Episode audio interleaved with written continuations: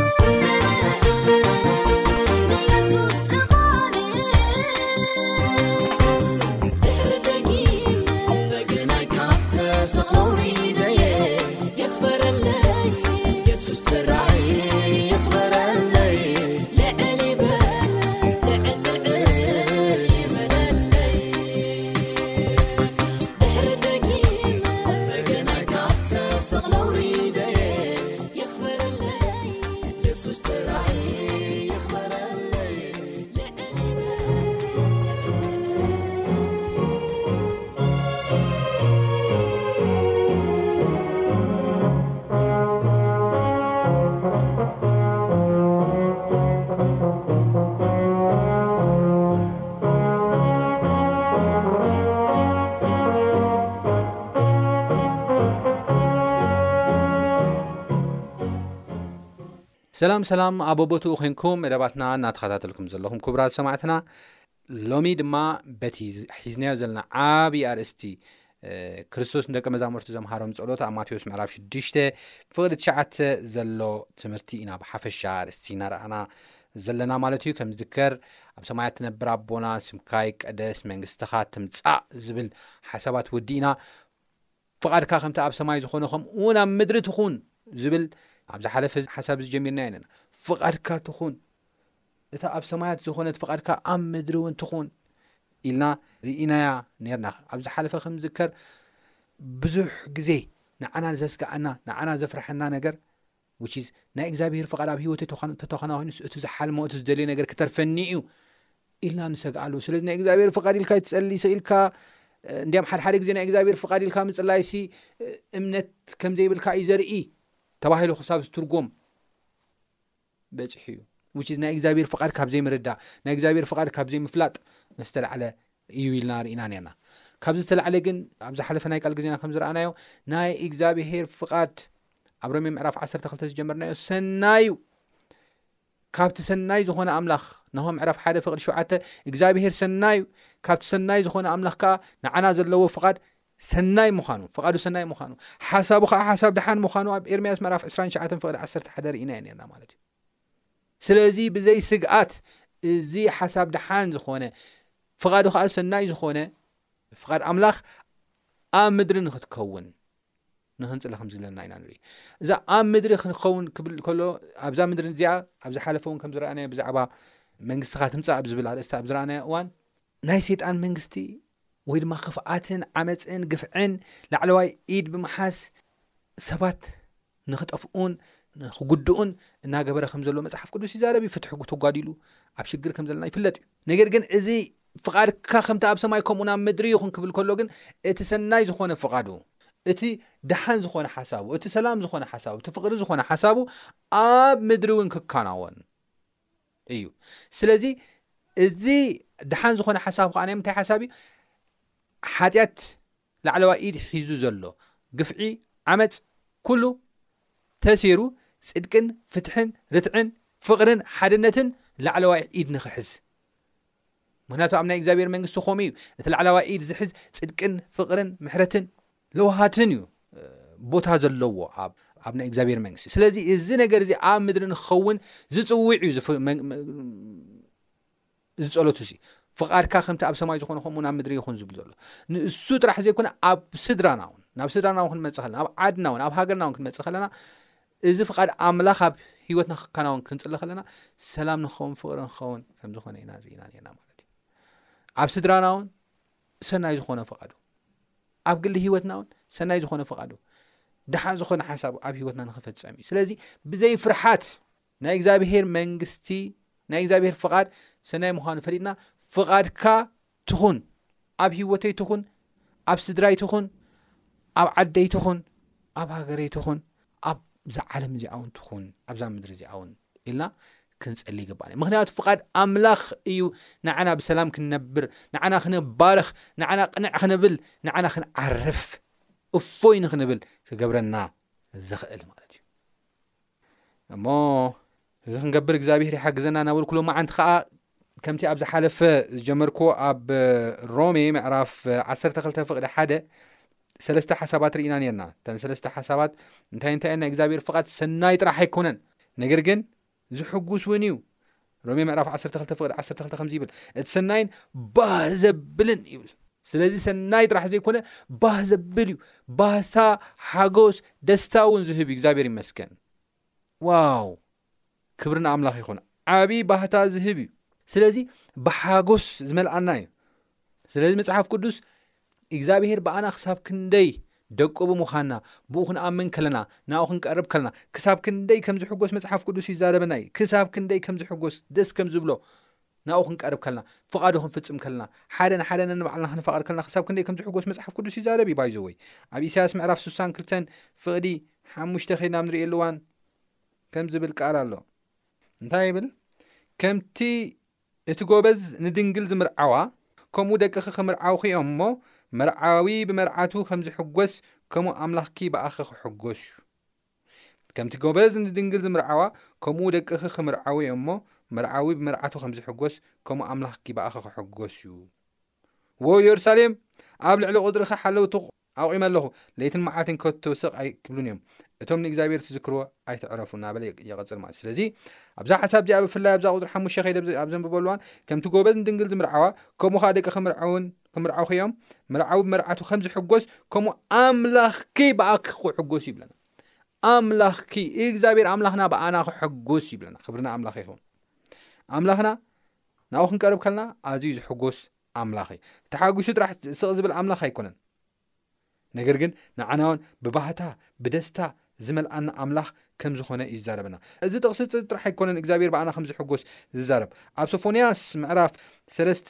ፍቕዲ ዓሰርተ ሸውዓተ ከይድና ክንርኢ ከለና እውን ከምዚ ዝብል ሓሳብ ኣሎ። በታ መዓልቲ እያ ንዮርሳሌም ዎ ጽዮን ኣይትፍርሂ፣ ዎ ጽዮን ኣይትፍርሂ፣ ኣእዳውኪ ኣይተሓለላ፣ እግዚኣብሔር ኣምላኽኪ ኣብ ማእከል ዘድሕን ጅግና እዩ፣ ብኣኺ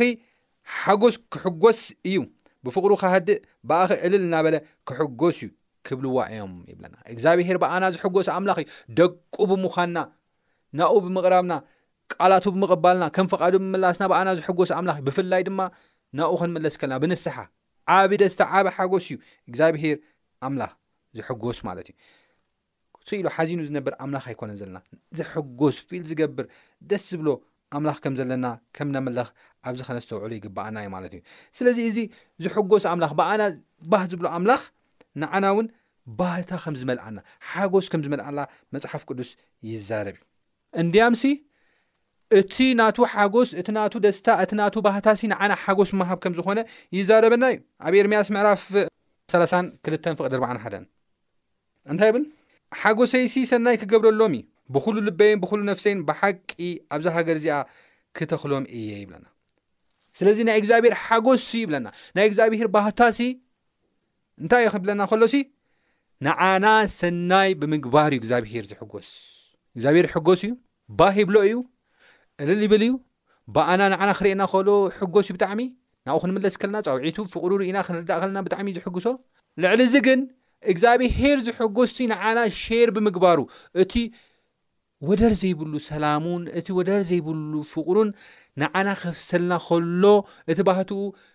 እዚ ሰላም እዚ እዚ ፍቅሪ እዚ ከፍስሰልና ከሎ እቲ ናይ እግዚኣብሔር ሓጎስ እልልታ ዝፍጸም ብጣዕሚ ዝገርም ሓሳብ እዩ። ስለዚ ፍቃዱ ኩሉ ግዜ ንሕና ሰሚዕና ናብኡ ተመሊስና እቲ እግዚኣብሄር ዘዳለዎ ሓጎስ እቲ እግዚኣብሄር ዘዳለዎ ደስታ ንክንቅበል ፍቃደኛታት ምዃን እዩ። ንሕና ፍቃደኛታት ዘይምዃን ኢንፋክት ንዓና ጥራሕ ዘይኮና ንጎድእ ዘለናስ እግዚኣብሄር እውን ብምሃብ ዝረኽቦ ሓጎስ ንዓና ሓጎስ ሰላም ብምሃብ ዝረኽቦ ሓጎስ ንእግዚኣብሄር ናሕሰናዮ ከም ዘለና እዩ ዝነግረና ዘሎ መፅሓፍ ቅዱስ ማለት እዩ ስለዚ ፍቓደኛታት ክንከውን ከም ዘለና ኢና ንርኢ ሰይጣን ብዙሕ ግዜ ናይ እግዚኣብሔር ፍቓድ ናይ እግዚኣብሔር ድሌት ናይ እግዚኣብሔር ሓሳብ ንዓና መራራ ከም ዝኾነ ንዓና ከም ዘይፈትወና ዕንቅፋት ከም ዝኾነና ገይሩ ይስእለልና እዩ ነገር ግን ናይ እግዚኣብሔር ፍቓድ ግን ካብዚ ዝረሓቀ እዩ ናይ እግዚኣብሔር ፍቓድ ሓደሓደ ግዜ ፈተና ዋላ ተሃለዎ ውፃእ ውረድ እኳ ተሃለዎ ነገር ግን ባህ ዘብል ዝሕጉስ ብደስታ ዝመልእ ከም ዝኾነ እዚ ነገር እዚ ክንጠራጠር የብልናን ናይ እግዚኣብሔር ሓጎስ ንዓና ሓጎስ ምሃብ እዩ ፍጹም ባህ ዘብል ሰላም ብምሃብ እዩ ናይ እግዚኣብሔር ሓጎስ ዝኸውን ማለት እዩ ናይ እግዚኣብሔር ፍቓድ ዝኸውን ስለዚ ፍቓደኛታት ክንከውን ኣለና ናይ እግዚኣብሔር ሓጎስ ንምቕባል ኣፈጣጥርኡ እኳ ኮይና ክንርኢ ከለና ኣፈጣጥርኡ እኳ ኮይና ክንርኢ ከለና ኣብ ዘፍጥረት ምዕራፍ ሓደን ክልተን ከይና ክንርኢ ከለና እኳ እንታይ እዩ ገይሩ እግዚኣብሔር ኩሉ ነገር ፈጢሩ እታ ባዶ ቅርፂ ኣልባ ዝነበረት ፀልማት ዝነበረት ምድሪ ናብ ኣዝያ ፅብቕቲ ዝኾነት ገነት ገይሩ ሽማ ከዓ ኤደን ኢሉ ኤደን ማለት ሓጎስ ማለት እዩ ባህታ ማለት እዩ ኤደን ኢሉ ኣብ መወዳእታ ሰብ ፈጢሩ ምንም ኣብ ዘይሰርሓ ኤደን ከም ዘእትወ ኢና ንርኢ ኣብ ሓጎስ ኣብ ባህታ ኣብ ሰላም ከም ዘእትወ ኢና ንርኢ እዚ ናይ እግዚኣብሔር ፍቓድ ካብ መጀመርያ ዝነበረ ሓሳቡ ከም ዝኾነ ኢና ንርኢ ማለት እዩ እሞ ኣብዚ ፍጥረት እዚ ንናይ ሰባት ሓጎስ ዘደናቕፍ ንናይ ሰባት ደስታ ባህታ ዘደናቕፍ ነገር ኣይቐመጠን እግዚኣብሔር ኣብዚ ነገር እዚ እቲ ንናይ ሰባት ባህታ ዝዕንቅፍ ዘቐመጠ ዲያብሎስ ምዃኑ ባዕሉ ይዛረበና እዩ ማለት እዩ ምናልባት ሓደ ሓደ ሰባት ዋ ንምንታይ ደኣ እታ ክፉእን ፅቡቕን ተፍልጥ ኦም ኣብኣ ቀሚጥዋ ክብሉ ይኽእሉ እዮም ንዓእም ንክተዓናቕፍ ዘይኮነን ክብሉ ይኽእሉ እዮም ኖ ንዕ ንከተዓናቕፍ ኣይኮነን ምርጫ ነፃነት እግዚኣብሄር ስለ ዝሃበ እዩ ምርጫ ነጻነት ሰባት ብዘይ ምርጫ እዮም ተፈጢሮም ክፍጠሩ ከለዉ ኣይመረፁን ክውለዶ ኣይክውለድን ተባሂሎም ኣይመረፁን ነገር ግን ምስ ተወልዱ ግን እዚ ናይ መረጫ ነፃነት ሂቦም እግዚኣብሔር ናይ ፍቅሪ ኣምላኽ ስለ ዝኾነ ስለ ዝፈትዎም ናይ ምርጫ ነፃነት ሂቦም ኣነ ሓጎስ ኣዳልየልካ ኣለኹ ኣነ ባህታ ኣዳልየልካ ኣለኹ ኣብዘይ ስራሕኻዮ ኣብ ዝዓየኻዮ ነገር ናብ ኤደን ናብቲ ሓጎስ እትየካ ኣለኹ ነገር ግን በዚ ነገር እዚ ዕጉብ ተደይ ኮንካ በዚ ነገር እዚ ደስተኛ ተደይ ኮንካ ነታ ክፉኡን ጽቡቕን ኦም ብምብላዕ ክትሞት ክትጠፍእ ትኽእል ኢኻ ኢሉ ንምርጫ ንምሃብ እታ ጽቡቕን ክፉኡን እተፍልጥ ኦም ከም ዘቐመጣ እምበር ንዓና ደስታና ንክሰርቕ ኢሉ ከም ዘየቐመጦ ይዛረብ እዩ ማለት እዩ መዝሙር ዳዊት ምዕራፍ ኣርብዓ ፍቕዲ ሸሞንተ ከምዚ ዝብል ሓሳብ ኢና ንረክብ። ሽዑ እኔኹ መጻኹ። ዳዊት ብዛዕባ ናይ እግዚኣብሄር ፍቓድ ተረዲኡ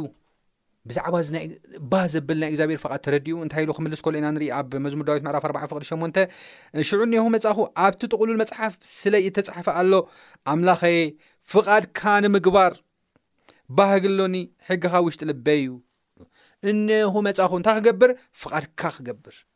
እኔኹ መጻኹ ክብል ከሎ ዳዊት ኢና ንርኢ ማለት እዩ ስለዚ ንሕና ልክዕ ከም ዳዊት እኔኹ መጻኹ ፍቓድካ ክገብር ክንብል ናብ እግዚኣብሔር ክንቀርብ ይግባኣና እዩ እናበልኩ ናብታ ሳልሰይቲ ሓሳብ ክኣቱ ይደሊ ፍፁም